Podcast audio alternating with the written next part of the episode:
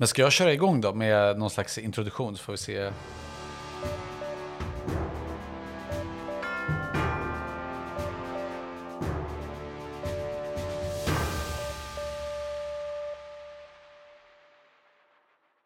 Hej och välkomna till ett nytt avsnitt av Tyckpressen, dagens ETCs ledarpodd där jag, Henrik och Annie.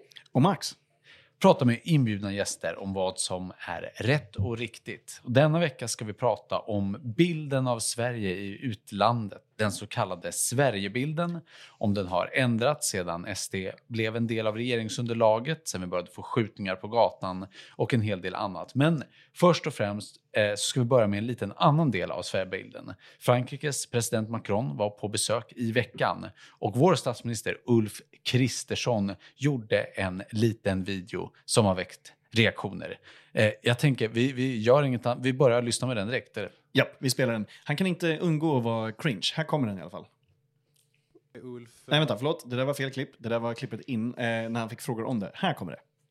Dear President Macron, I am so looking forward to welcoming you to Sweden.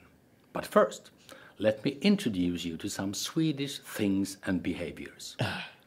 In Sweden, we have a saying that goes Det finns inget dåligt väder, bara dåliga kläder. There is no such thing as bad weather, only bad clothing. Well, you will hear this if you start complaining about the snow. We also have this very important thing called fika. Käften. If you try to skip this opportunity to sit down, have some coffee and a kanelbulle, there will be serious consequences.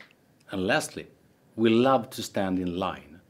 If you try to jump the queue, tränger dig, we will be very angry but still stay silent. We might write you an arg lapp, an angry note. Swedes do not like to make a scene in public. Now you are more than prepared for your stay. Mr. President, welcome to Sweden. Ja, hörni, vad, vad, vad kände ni när, när ni såg det här klippet? Alltså, mannen måste ju vara cringe. Ja, han, han, han, kan liksom, eh, han kan inte eh, undgå att, att bete sig på det här sättet. Först så är det en Ulf-grej att prata med alla som att de är fem år gamla. Han tror att det här är det seriösa, lite roliga sättet. Liksom. Eh, och för det andra, som jag tänkte på direkt i det här. Alltså, han har jättemycket kompetent pressfolk runt sig. Eh, han har jätteduktiga pressisar. Han har en presschef som är toppen. Han har så här, jättebra eh, prisvinnande kommunikatörer i sin stab. Allt sånt där. Och man fattar ju att det här är hans egna passion project. Alltså man fattar ju att han har suttit där på mötet. Att det var varit- hans idé, tänker Ja, du? ja. Att han har varit så, hörni, hörni. Vi, det, här, det här blir kul. Vi, vi gör det här. Det här eh, kanelbullen, eh, vad mer, vad mer? Eh, så, du vet att han så, eh, eh, beter sig som en liksom, eh, eh, brainstormande PR-chef. Eh, att han står i ett konferensrum och så, vem har en bra idé? Vem har en bra idé? Och de bara, eh, en kö. Ja, bra, fortsätt. Eh, alltså, Vad tror du, Annie? Var det så det gick till? Eh, säkert. Han verkar tycka det är väldigt kul att göra de här ja, skojiga i citattecken eh, sakerna. Men eh, jag eh, pratade med min sambo om det här och hans eh, reaktion var, alltså han trodde det var fejk för han såg det på Dyngbaggens eh, konto först. Så han bara, jag var helt säker på att det var en deepfake, alltså en AI-genererad eh, film. Han bara, är du säker på att det är på riktigt? Ja, det, det är på riktigt. Um, nej men jag, jag kunde typ inte kolla på den. Jag satt liksom och, som jag gjorde nu när vi spelade upp det, jag, jag gråter. Både inombords och på utsidan. Star starka re- reaktioner. Äh, Du la ju ut det här klippet på, på X, gamla Ja, Twitter, och fick exakt. nästan en miljon tittare. Ja, Eh, vi ska, vi va- ska se var- exakt här. Eh, Det blev eh, 952 000 Twitter-visningar. Gud. Alltså det är ju ungefär som ett, ett program med, i SVT. Va- Varför tror du... Alltså, De räknade kan du lite berätta- annorlunda. Ja, men, Nej, men det tror jag inte. Kan, kan du berätta lite, hur, hur har reaktionerna varit på det här klippet i, på, i Sverige? mm, är väldigt roliga. Eh, nej, men reaktionerna har ju varit, eh, v- vad, vad håller han på med? Det här är pinsamt. Eh, många har vänt sig till mig och sagt, varför gör du så här mot mig? Jag vill inte se det här klippet. Eh, hur vågar Du du vara liksom som personlig ansvarig för att Ja, ja. har gett dem det här klippet. Men, men jag, Ja. jag ser det så här, det, det ligger i min journalistiska plikt att eh, lägga upp saker så att allmänheten kan ta ställning för eller emot. Eh, och här blev det ett väldigt starkt emot. Eh, det Var, var det några som försvarade honom? Eller var, Ja, men det var det. Alltså, som, som det kan vara, att några tycker så, ja men det här var väl inte en så stor grej eller, eller något sånt där.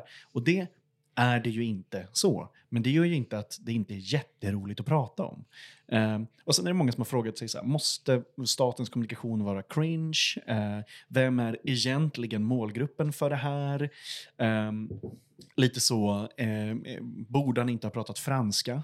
Eh, är en del som har frågat sig också. Um, men jag, eh, och, och framförallt så skulle jag säga att eh, reaktionerna handlar om eh, att folk säger så. Eh, varför är han så här? Varför Ja. är han på det här sättet?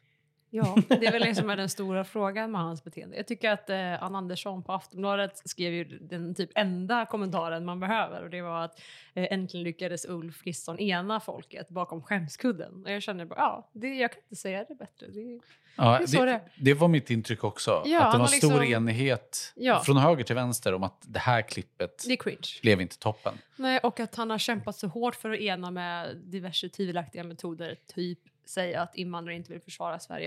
Eh, men lyckas då genom det här aslarviga klippet med en eh, sorglig kanelbulle. Här, här ökade försvarsviljan, i alla fall mot den här typen av klipp. Men jag tycker också, jag måste bara säga, Ja, jag tycker också kör. att han påminner om en person. Jag tycker att han påminner om eh, eh, Johan Ulvessons karaktär i C och Segemyhr.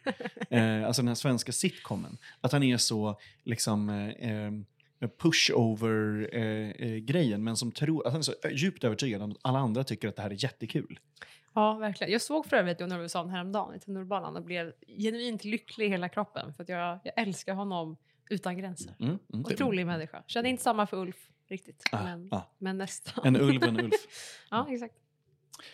Men eh, det här är ju bilden i Sverige. Man blir ju nyfiken på hur uppfattar fransmännen det här? Så därför har vi ringt upp Teresa Küchler. Hon är Brysselkorrespondent för Svenska Dagbladet och eh, Frankrikekännare kan man säga. Ja men toppen, då har vi med oss Teresa Küchler här. Eh, e EU-korrespondent för Svenska Dagbladet eh, som också bevakar Frankrike, stor Frankrikekännare. Välkommen till tryckpressen. Hejsan, tack så mycket. Du har ju eh, också sett den här videon som Ulf Kristersson gjorde, välkomstvideon till Macron. Här i Sverige så har den varit väckt visst eh, rabalder och allmän munterhet.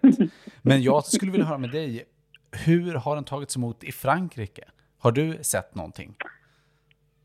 Ja, jag kan säga den här, jag, jag har faktiskt inte varit så här skämskudde, upprörd. Jag har hört mycket så här, oh det här är så cringe. Och jag tycker det var en ganska trevlig äh, grej trots allt. Och om man tittar på hur franska medier har reagerat på lite klipp och sånt där så har man tyckt att det var en ganska trevlig grej i Frankrike. Jag är ganska övertygad om att man inte har förstått kanske för att äh, det är lite så här, och, och nu Eh, franska tidningarna förklarar när Kristersson säger att han äter en kanelbulle. Och så försvarar så får tidningarna säga så här, och nu visar den svenska premiärministern upp ett populärt bakverk.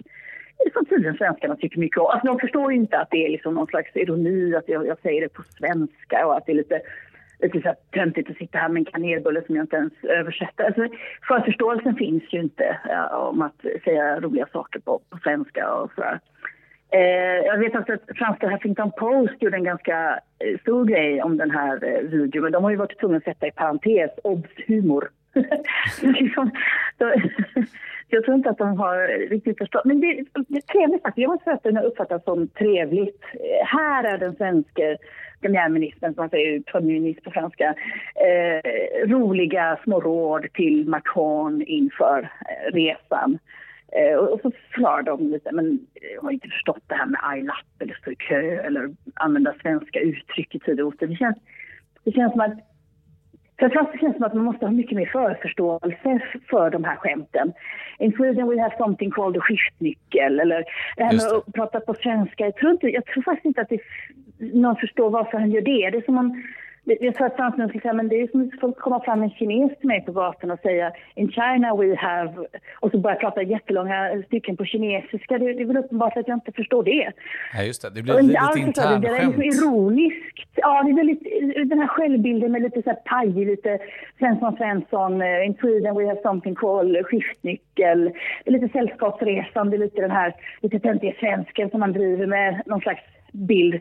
Och det, förstår man ju inte i Frankrike. Vet du vad jag är mest upprörd över faktiskt? Om Ja. jag får vara upprörd över en sak. Att man har missat den fantastiska chansen. Eh, när Kristersson säger det finns inte dåligt väder utan bara dåliga kläder. Det rimmar ju på svenska och det gör det inte på engelska. Men det rimmar ju på franska. Det är ju ett Ah. fantastiskt fint uttryck på franska. Det är, så här blir det på franska. Il n'y a pas de mauvais temps, il n'y a que de mauvais vêtements. Så det är liksom väderkläder, temps, vêtements. Det, det, det, rullar jättesnyggt på franska faktiskt. Nej, det har du Och helt då rätt tänker jag, det har ju fransmännen fattat. Jaha, vilket roligt uttryck, det rimmar också. Det kan man komma ihåg.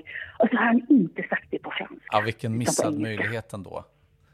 Ja. Ja, ja, det, var, det var bra att du sa. Jag vet inte om någon av oss här kan franska, så det är bra att du upplyser oss, Teresa. Men det låter ju som Ja, att fransmännen väldigt i alla fall inte är så, så upprörda, utan det är, mer, det är mer svenskarna, publiken, som...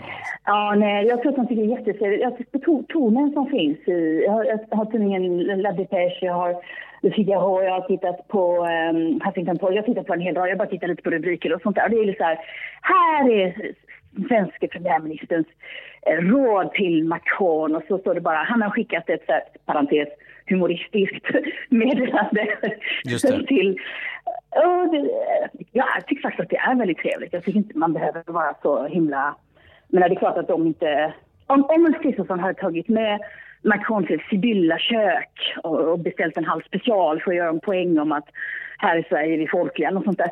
Då hade jag varit- tyckt det var jättecringe. Jag, jag tycker Ja. det ska finnas en viss upphöjdhet ändå med statsbesök. Och det ska finnas en, man ska visa någon slags hövlighet och det ska vara, det ska, det ska vara fint. Det är en ära att få ta emot en, en fransk president i Sverige och också ta emot en svensk statsminister i, i Frankrike.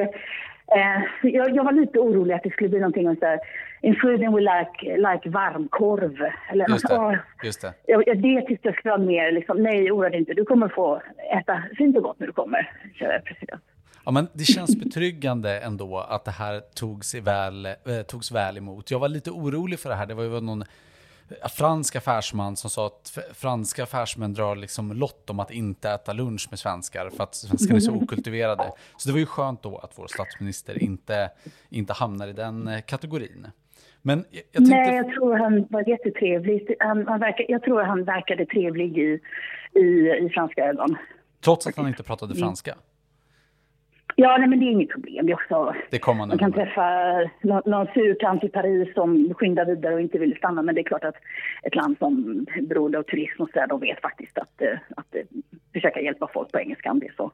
De förstår. Det är lite en gammal fördom där. Mm. Men jag tänkte passa på att ställa lite andra frågor. Du är ju stationerad i, i Bryssel och, eh, eh, och, och, och jag har koll på, på hur Sverige uppfattas i Europa så att säga. Så en, en sak som vi har varit nyfikna på, som det har skrivits en del om, är ju om, om hur Sverigebilden, om den har ändrats sedan Sverigedemokraterna blev en del av regeringsunderlaget. Och att i Europa har man ju haft den här typen av högerpopulistiska partier i, i, en, i ett par år, men nu kommer även Sverige in med ett sånt parti.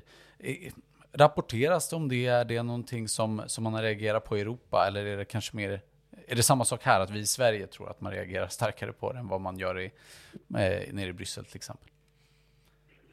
Men Det finns, en, det finns ett par olika bilder av Sverige ute i världen. Man tittar på till exempel den franska bilden av Sverige. Man rör sig i politiska kretsar eller folk som är intresserade av politik och samhälle. så. Då har ju Sverige alltid varit förebilden för välfärdsstaten. Det var ju den franska välfärdsstaten som ser ser ut idag är lite uppbyggd eh, efter en svensk modell för många årtionden sedan. Eh, och så man har liksom en bild av det här nordiska landet som är ett land som både är rikt och exporterar och, och har en god ekonomi men också är liksom, eh, har stora sociala som landningsnät och offentlig sektor. Så att det, där finns en beundran för ett- byggandet av den lilla välfärdsstaten. Men det håller ju på att trilla bort eftersom nu är ju övriga Europa också goda välfärdsstater och en del har väl gått förbi Sverige skulle jag säga. Men den nya bilden av Sverige är ett land där det är väldigt mycket gängkriminalitet faktiskt. Det har ju inte undgått, eh, inte fransmännen och inte heller eh, liksom debattprogram härifrån Bryssel där man samlar ihop liksom, liksom europeiska ämnen för dagen. Just det. Eh, det har varit väldigt mycket inför varje svenskt val. De två senaste svenska valen vet jag att eh, här de stora här, Bryssel-tv-medierna visade videoklipp från upplopp och, och polisingripanden och sånt där i, i, Sverige. Så det finns en ny bild av Sverige och den, den blåses ju på den där bilden också av, av sociala medier och ja men du vet det här ekosystemet med folk som tjänar på att kanske sprida vissa bilder och sånt där. Så att, det. eh, Så det, jo, jag skulle säga att det finns, jag, jag får oftare idag absolut frågor om liksom, hur är det med våldet i Sverige och nu, ja, ni har ju också nu då ett parti som är invandringskritiskt eller så här, i, stil med, i stil med Marine Le Pens parti i Frankrike än vad jag fick för som tio år sedan absolut. Just det. Eh, Sverige var ju ordförande i EU för inte så länge sedan alls. Och där, mm. där förstod jag att det fanns någon, en viss oro om, om, hur, eh, om hur det skulle gå med, med Sverigedemokraterna och så i, i Europa. Var det någonting som du uppfattade eh, nerifrån Bryssel och, och hur gick det svenska ordförandeskapet? Man kommer ihåg att jag rör mig i den här lilla Brysselbubblan ja, med liksom, eh, journalister, politiker, lobbyister, tjänstemän. Mm. Det är inte så att jag går och pratar med vanlig kreti och på gatan i Belgien. Liksom, och Nej, de, de, de flesta är väl kanske inte liksom, eh, sitter väl inte på nålar över det svenska ordförandeskapet. Jag ber om ursäkt, det ringde där. Vill du ta om frågan? Eh. Um, ska jag ta det från början?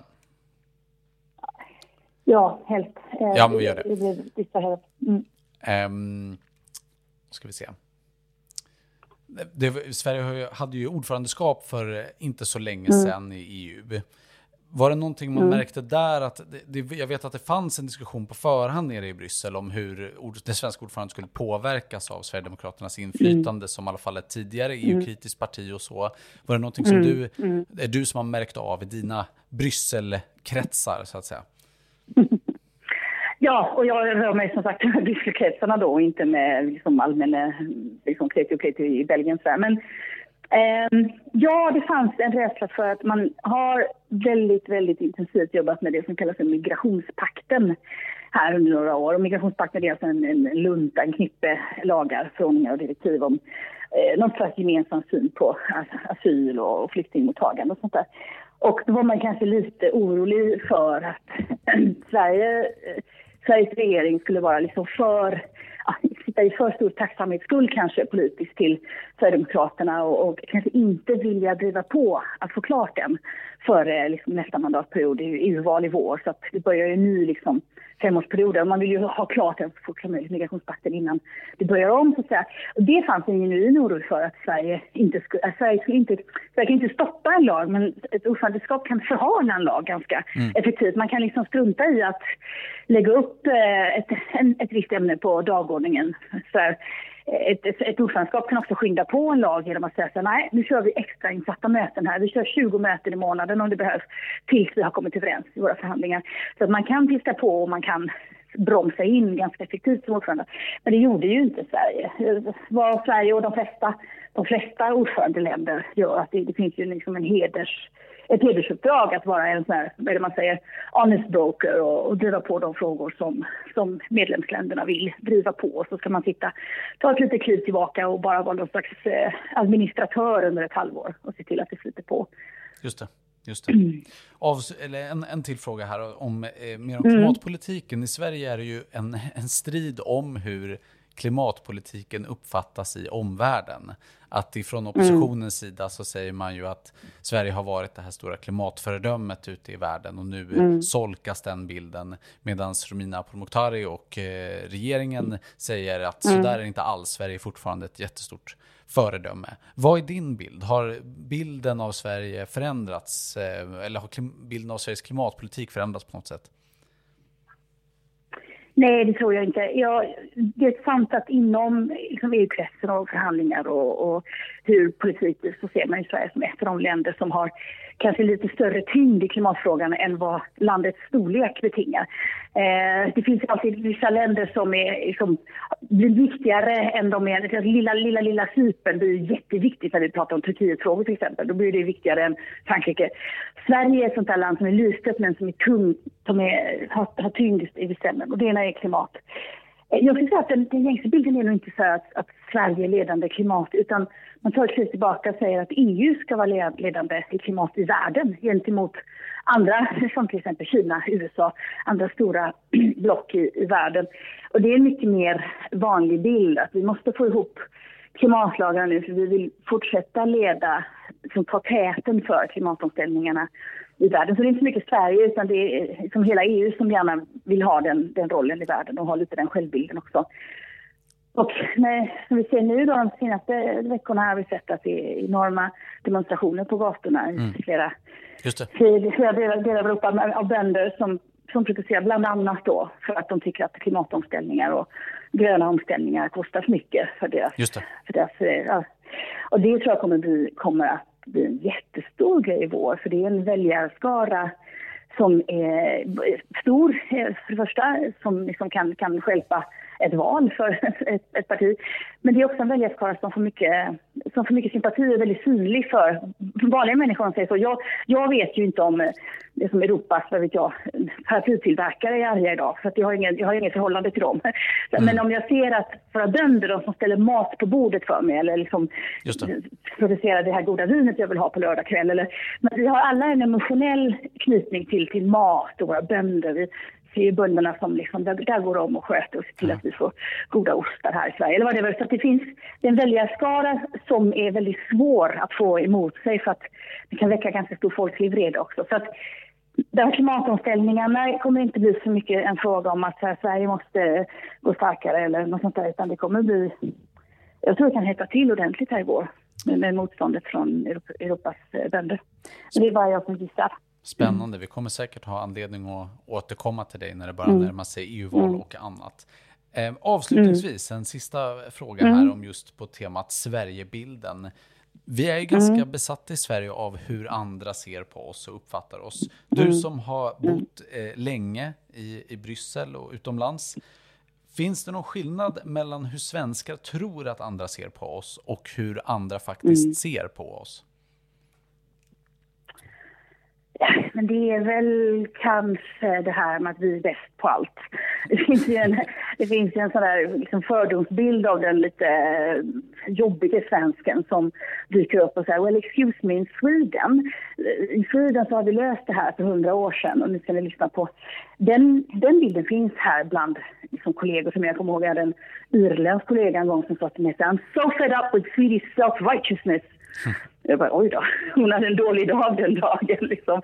Så att, eh, men, det, men sen finns det också en annan bild som är att det är ett land som, som det går bra för. Det är ju en förebild till exempel vad gäller vad jag, hbtq-frågor, eh, vad gäller eh, liksom, jämställdhet mellan kvinnor. Det är klart att det är ett land som jag tror att mina kollegor här skulle muckla lite om att så här, svenskar är lite så här self-righteous. Men de skulle ändå säga så här, men det verkar ju verkligen vara ett land som funkar. Jag hade en, en annan irländsk kollega som gjorde ett reportage på Svenska kyrkan i Bryssel. Och då, som då har en präst som är en man som är gift med en annan man. Bara det var ju så här, du vet, my mind is, hon fattar ingenting, kommer från katolska Irland. Och hon sa så här, det där måste ju vara Sverige i kubik, liksom ett land som liksom på alla nivåer i samhället har jämställdhet och tolerans och kärlek för alla. Och så, så det var ju en bild som, och den bilden tror jag finns inte bara i det här reportaget. Liksom. Så att, ja, nej, det finns, en, det finns en bra och dålig själv. Jag tänker alltid på det när jag lyssnar, när jag rannsakar mig själv. Vad har jag för bild av till exempel polacker eller kroater eller portugiser? Och så försöker jag föreställa mig att den bilden kanske också måste nyanseras, precis som bilden på oss kanske är mer nyanserad än vad vi själva tror. Och sådär. Just det. Ja, men det var intressant att höra. Vi ska eh, hoppa raskt vidare i programmet. Vi, är alltså, det är alltså, vi tackar Teresa eh, Kyschler, Brysselkorrespondent för Svenska Dagbladet. Tack för att du var med. Tack så du ha. Hej, hej. Ja, då, där hörde ni min intervju med Teresa Kyschler. Jag tänker att vi spinner vidare lite på, på hennes funderingar här. Det, det verkar ju inte som att fransmännen har varit eh, var lika negativt inställda som svenskarna. Va, vad säger det, tycker ni? Alltså de har ju rätt mycket eh, självdistans till det mesta i min uppfattning. Eh, jag kan inte jättemycket om Frankrike, jag har inte varit i Frankrike. Eh, känner inte så många eh, fransmän. Jag har kompisar som är tillsammans med fransmän, det är liksom min största kontaktyta. Eh, men ehm, jag tror att de kan eh, skaka av sig sånt här som... Ja, Men de en- verkar ju tycka att det var trevligt. Ja, men precis. Precis. Att de tänker, de, jag tror att de tänker på trevligt på det här harmlösa sättet. Alltså att de är så, ehm, ja det här är en, en artighetsgrej och sen då att de har andra måttstockar för vad cringe är. Ja, Så- och de kanske inte fattar det. Alltså, så här, det var ju, som sagt, det är ju kanelbullar är ju så himla... Alltså Sverige är också besatt av kanelbullar och fika. Alltså alla Vi har kanelbullar länder- på bordet just nu. Ja, när vi spelar in jag ville typ inte säga det, men jag får väl medge att jag precis drack Mm. kaffe och åt kanelbulle. Men eh, ja, nej, jag vet inte. Men vad ska man säga? Vi... Eh, Alltså, jag förstår att det kanske är lite en kul grej att göra. Jag tror bara att de har ju ingen relation till Ulf. Vi är väl bara så här, kan du vara vanlig en enda gång, typ? kanske. Jag undrar om det, alltså de har ju en grej av att ehm, prata om för detta, liksom, eh, eh, både presidenter och eh, premiärministrar och så, på men med så svidande eh, termer. Alltså, de, de pratar ju om, så, om Jacques Chirac som liksom, eh, så fullis, typ Sarkozy som eh, så eh, fullständigt galen och arg. Eh, Hollande som liksom den här eh, eh sexbesatta eh, socialisten som han var. Eh, och, Eh, eh, och sådär. Jag tror helt enkelt bara att de har andra måttstockar för vad cringe är. Eh, att de är så, här var det bara en, en farbror, en lite lärarlik farbror som eh, la upp ett kul klipp. Typ. Ja, men också typ att om det är en person som en är väldigt otippad att göra såna här saker, att det är någon riktig så superintrovert person som inte alls gillar de här typen av, den här typen av saker, då är det ganska kul om någon gör något oväntat typ någon gång ibland. Men Ulf är en person som älskar att vara statsminister, att han älskar att göra de här grejerna. Då blir det liksom inte så varken förvånande eller särskilt kul. Alltså jag tycker det är kul när typ ja, men så, Joar Bendjelloul typ körde någon rapgrej på typ Idrottsgalan för att jag bara, det känns random.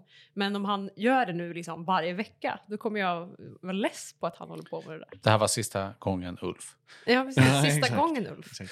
Men, Men- och jag, men Annie, jag tror också att du hade rätt i det här med att eh, de inte vet vem han är. Alltså, så här, de vet ju inte att han är ond. De vet ju inte att han har en, så, en koalition med liksom, de här nyss-nazisterna. De, de vet inte, de har inte koll på eh, liksom, eh, den grejen över det här. Utan de ser liksom en, de ser en eh, liksom fitnessfixerad, eh, ren eh, svensk. Liksom. Lite töntig svensk. Ja, Man ja. känner, känner Men är sympati. inte det Som de strategin då? Att så här, ja men okej då, vi samarbetar med, med rasister, men vi är i alla fall en gullig, skojig statsminister. Han vill ju vara det. Han vill ju vara en skojfarbror. Ja. Men då borde han ta fram sin katt mer. Alltså, det är väl en typisk Ja. som gullig katt... Eh, Sagt det här förut, katten Curry. Alltså, eh, Heter den inte Cayenne?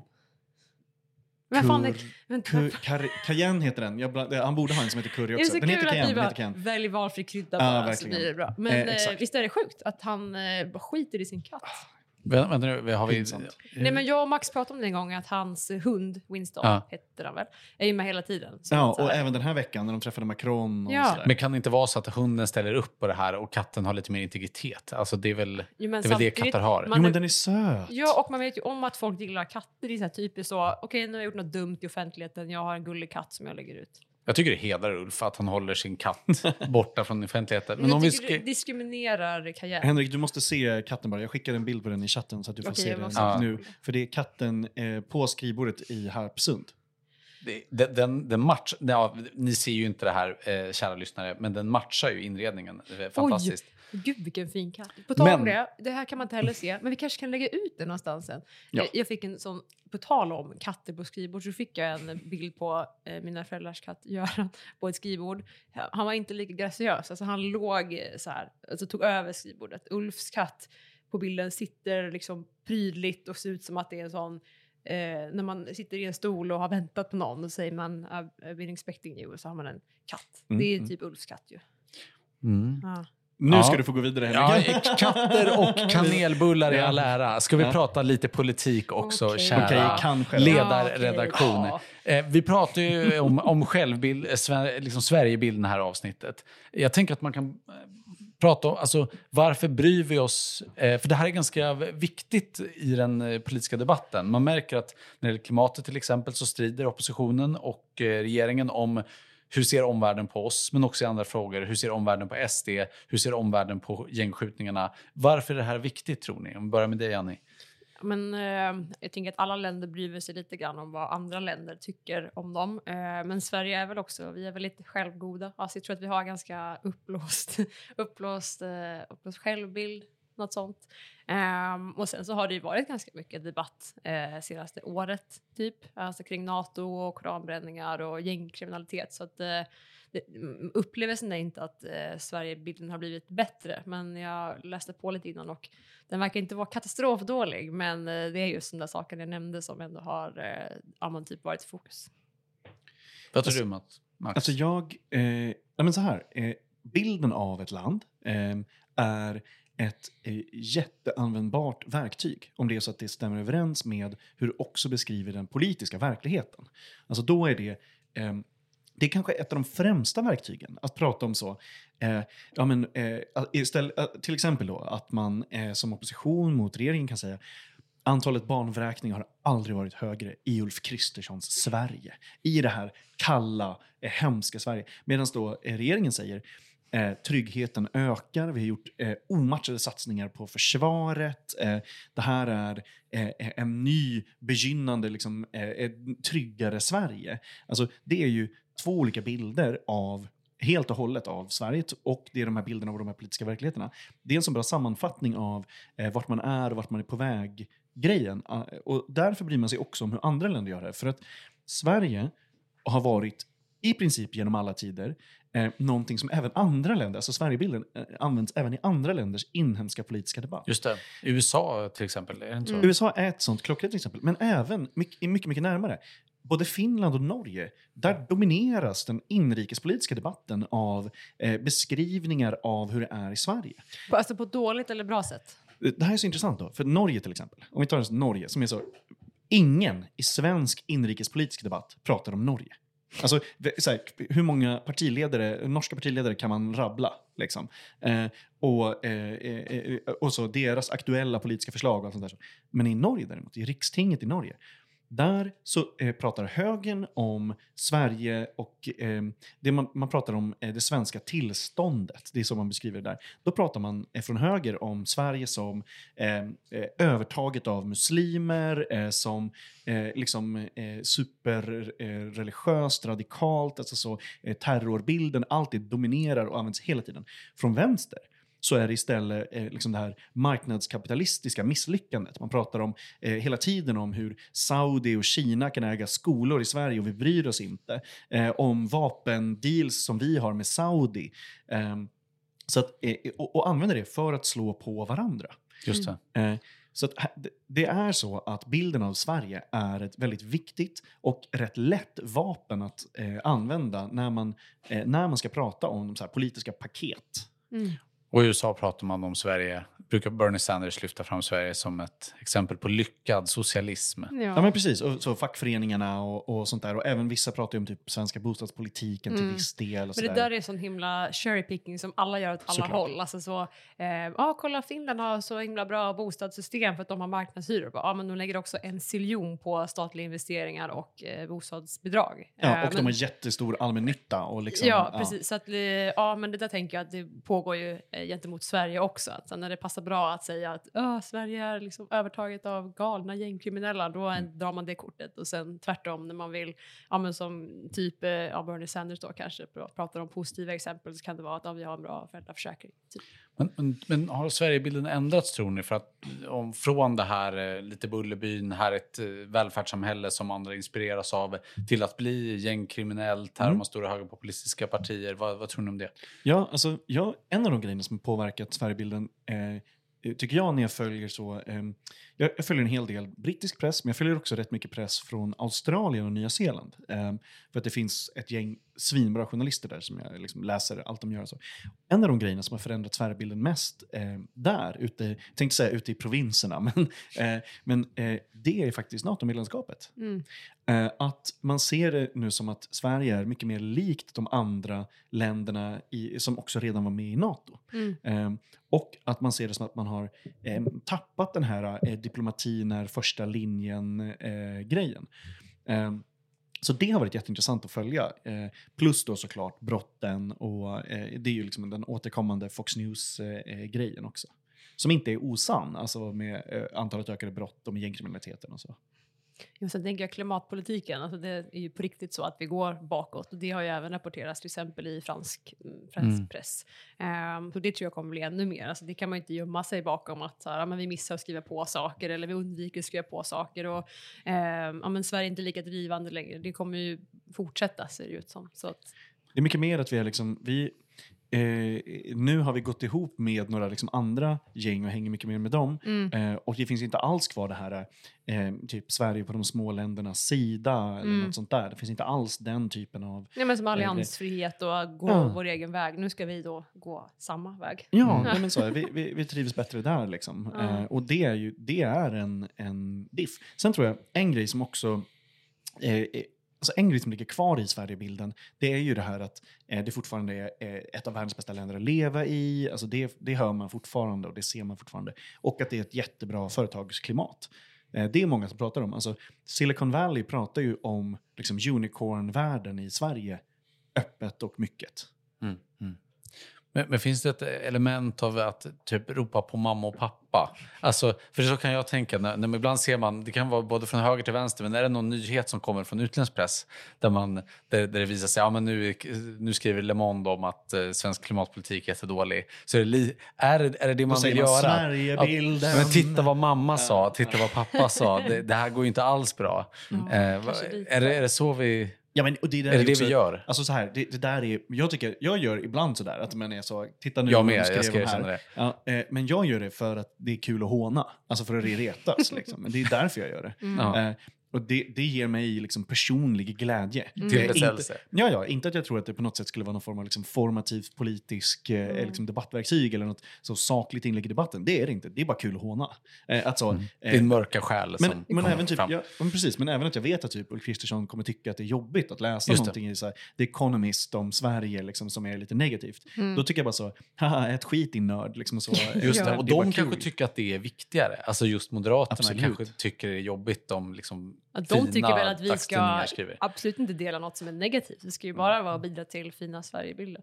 Men också på tal om det att när folk skriver eh, Kristersson Sverige. Jag tycker det är, det är superkul när man är ironisk. Men när folk skriver det seriöst då vill jag fan blöda ögonen ur mig. För det är så, alltså folk använder det som argument för att Sossar gör ju det jättemycket. Ja, men också precis töntigt. Alltså när folk säger att ja, men det här är Ulfs fel och så är det något som har pågått under 20 års tid som de själva har bidragit till och sen så menar man då att det har hänt under ett år. Då blir jag bara så här, åh idioter, ni är så töntiga. Men jättekul att skoja om när det är obvious ett skämt. Man kan ju få en annan bild tycker jag också av Sverige när man ser det utifrån på något sätt. En sak som jag har tänkt rent journalistiskt på är ju språkbruket, hur man benämner partier som Sverigedemokraterna. Mm. Att eh, i, i konsekvent utländsk media så skriver man ju far right Mm. om Ja. dem. Minst. I- i de alltså, stora- ja. ja. Minst det. Men, Alltså, Eller with Nazi alltid med roots eller så. Medan i. Sverige så pratar vi ju inte alls om Sverigedemokraterna på det Han, det är en sättet, jätteintressant eh, spaning. Ska vi också börja att- göra det kanske? Ja, Alltså, vi jag är ju vet typ inte. här, alltså det är ju, eller Expo har ju kvar det där, de har ju begreppen, de har, de har ju både så högerextrema, men de säger ju ytterkantshögern eller ytterhögern. Mm. För att det är liksom ett bättre samlande begrepp av några av de rörelserna som Ja, kanske inte nödvändigtvis Det är enda som är dumt med det, det är ju att då kan man ju då säga att Vänsterpartiet är yttervänstern för att det är vänster på skalan. Men låt dem. Ja, men jag, jag tycker bryr det mig blir inte, så... det låter coolt. coolt. Ja, jag fattar. Men jag, jag tänker nog köra med nazi-roots istället. Ja, nej, men det är ju... Nyss nazister funkar ju. ja, det är jättebra. Just det. Ja, nej, men det är in- intressant ändå. Jag tänker också på det där med att hur man har gått ifrån att säga... Alltså förut sa man ju de rödgröna och de Mm. blåa eller sådär, eller det borgerliga alternativet. Och nu, nu pratar jättemånga journalister om eh, vår sida, eller de säger Mm. vår sida av politiken. Mm. Journalister säger Ulf Kristerssons sida av politiken. Mm. För att man inte riktigt vill hantera att säga "Va- vad är det här för färg? Ja, och säger man Eh. blåbrun blir ju de jättesura. och, och de rödgröna finns ju typ inte, hävdar jag. Eller det är oklart vilka Men tycker de ni att det är orimligt att, att vi inte gör så? Alltså om man tänker, det, det en sverigedemokrat skulle säga är ju att det här är 20 procent av befolkningen. Ehm, alla av dem är inte bruna. Vad, vad tänker ni om den invändningen? Eller Alltså, den varför gör man så här? Alltså, varför ändrar man det? Den beskrivningen ska ju inte vara av de som röstar på det partiet. Det ska ju vara av politiken eller den Exakt. ideologiska benämningen. Ett skäl tror jag då till att man gör det där mindre är att partierna är mycket, mer, alltså mycket mindre ideologiska. Man säger ju inte det socialkonservativa partiet Moderaterna eller liksom eh, så, det nyfikna gröna eh, Miljöpartiet. Eller Just det, alltså, så. systemkritiska Eh, Miljöpartiet. Exakt, Nej. exakt. Eh, nej, men, så, eh, alltså, den grejen säger man ju inte. Sen det där alltså SD-argumentet att så, så här många röstar på oss, ni kan inte säga det här. Det säger ju ingenting. Det säger ju bara att så här många är villiga att rösta på ett sånt brunt parti. Eh, det, alltså, det betyder ju inte att man uttalar sig kategoriskt om alla de som röstar på det, men det, det finns också en del av det där i att de blir så himla, just SD, blir så himla curlade. Att man är så, hur kan ni säga så här om oss? Eh, istället för att eh, man bara säger till de här vuxna människorna som faktiskt röstar på den här politiken, alltså brösta det bara. Alltså, Mm. Alla andra väljare för alla andra partier, bara ta det här. Eh, Mm. Gör det ni också istället för att gnälla varenda gång. Ja, också nu är politiken på riktigt, alltså den har ju verkligen tendenser av att vara eh, brun då, om man får säga så. Eh, Man får och det. det. får man, i det här rummet får man verkligen det. Ja, men Nej, varför det i alla rum? Man bryr sig. Ja, nej men jag menar så här, vistelseförbud och massövervakning och barn i fängelser. Alltså, vi såg ju en bild som Fredrik Kärrholm, moderat, la upp på Instagram. Han tog bort den sen. Eh, jättekonstigt. Jättekonstigt. Men då var det en bild när han stod framför en eh, ungdomsanstalt, gjorde tummen upp och skrev att ah, men nu satsar vi stort på ungdomsfängelser. Och man bara ja, tummen upp för barn i fängelse. Så att eh, det de gör nu har ju på riktigt, alltså det är ju inte något man bara slänger ur sig. De har ju lagt jättemånga förslag som är auktoritära. Så att det, Du är emot barn i fängelse? eh, jag är lite grann emot barn i fängelse. I alla fall Alltså, mer det- än vad Det Fredrik beror, Kärrholm väl, är. det beror väl på hur kul fängelset är. Just det, finns det studsmatta? Ja, Exakt. precis. Just Playstation. Och Playstation, då går det bra. Nej, men så att det, är ju, det finns ju fog att säga så. För att säga så. Mm, mm, jag fattar. Tycker ni att det spelar någon, någon roll vad Sverigebilden är? Eller snarare så här, om man tänker på just klimatområdet eh, så, så finns det ju en stor diskussion om att ska Sverige vara en föregångare? Eh, är det viktigt att vi visa, eller ska man säga som, som man gör nu från regeringshåll, att man man pratar om att men varför ska Sverige gå först? Det är väl bättre att vi ser till att vår ekonomi funkar och så vidare. Vad, vad känner du om det? Annie, vad, vad tycker du? Ja, nej, men jag tycker den här frågan är jätteviktig eftersom att det handlar ju inte bara om att visa att man är duktig utan att man faktiskt är duktig. Och det kom ju någon undersökning för ett Eh, tag sedan, jag tror det var i höstas, eh, om att eh, många svenskar tycker att det är viktigare att Kina minskar sina utsläpp än att Sverige gör det till exempel. Ehm, om man kollar liksom, eh, ja, men på landsgränser och hur mycket utsläpp man har per land så visst, det är klart att Kinas utsläpp på så sätt eh, har större effekt då. Ehm, men man kan inte tänka så heller för att om man slår ihop alla små länder då som Sverige är om man kollar på del av globala utsläpp. Eh, om alla de länderna skulle säga vi skiter i det, då är det som ett svinstort land, större än Kina sett till utsläpp. Um, så att man kan liksom inte argumentera så, alltså rent utsläppsmässigt. Um, och sen så eh, finns det ju så många argument man kan dra då om Sverige som ändå är ett ganska alltså, rikt land. Vi har liksom massor av eh, industrimöjligheter, vi har eh, innovation, alltså vi har väldigt mycket förutsättningar. Om vi inte kan klara att ställa om, då finns det ju jättemånga länder som kan säga men ni skiter i det, vi har ju ännu sämre förutsättningar. Så att jag tycker det är superviktigt att vi inte bara lägger oss platta. Och som du skrev en jättebra text om, Henrik, eh, att EU är ju liksom vårt svepskäl då för att vi inte behöver vara så duktiga själva för att EU är så himla bra. Men dels är EU inte så bra som vi eller som regeringen vill få oss att tro och dels eh, så finns det ju risk att EU-politiken blir betydligt sämre eh, efter valet. Så. Jag kom på att jag har en eh, klipptid om sex minuter. Max ska klippa sig.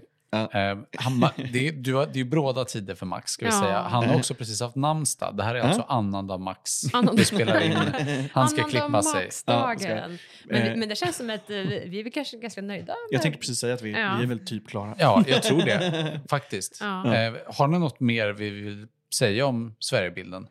Alltså, innan vi Det enda jag funderar på Eh, ja. är om, skicka med den här tanken, det är Mm. att svenskar är ju så besatta av att typ få så beröm om Sverige. Alltså typ en, en amerikansk skådis säger någonting om Sverige. Vi bara, jag bara undrar om det är så på andra ställen. Om någon vet det så kan man ju Jo, men det, det tror jag det. faktiskt att det är det. Men Ja. tror du, det känns som att Sverige är så himla små. Vi är så glada när folk ser oss. Ja, men jag tror verkligen det. Eh, Jag har bott eh, ett tag i Indien och de är väldigt intresserade av vad andra tycker om dem. Då Eh, så att de är lite en likadana. Sverige-sjukdom.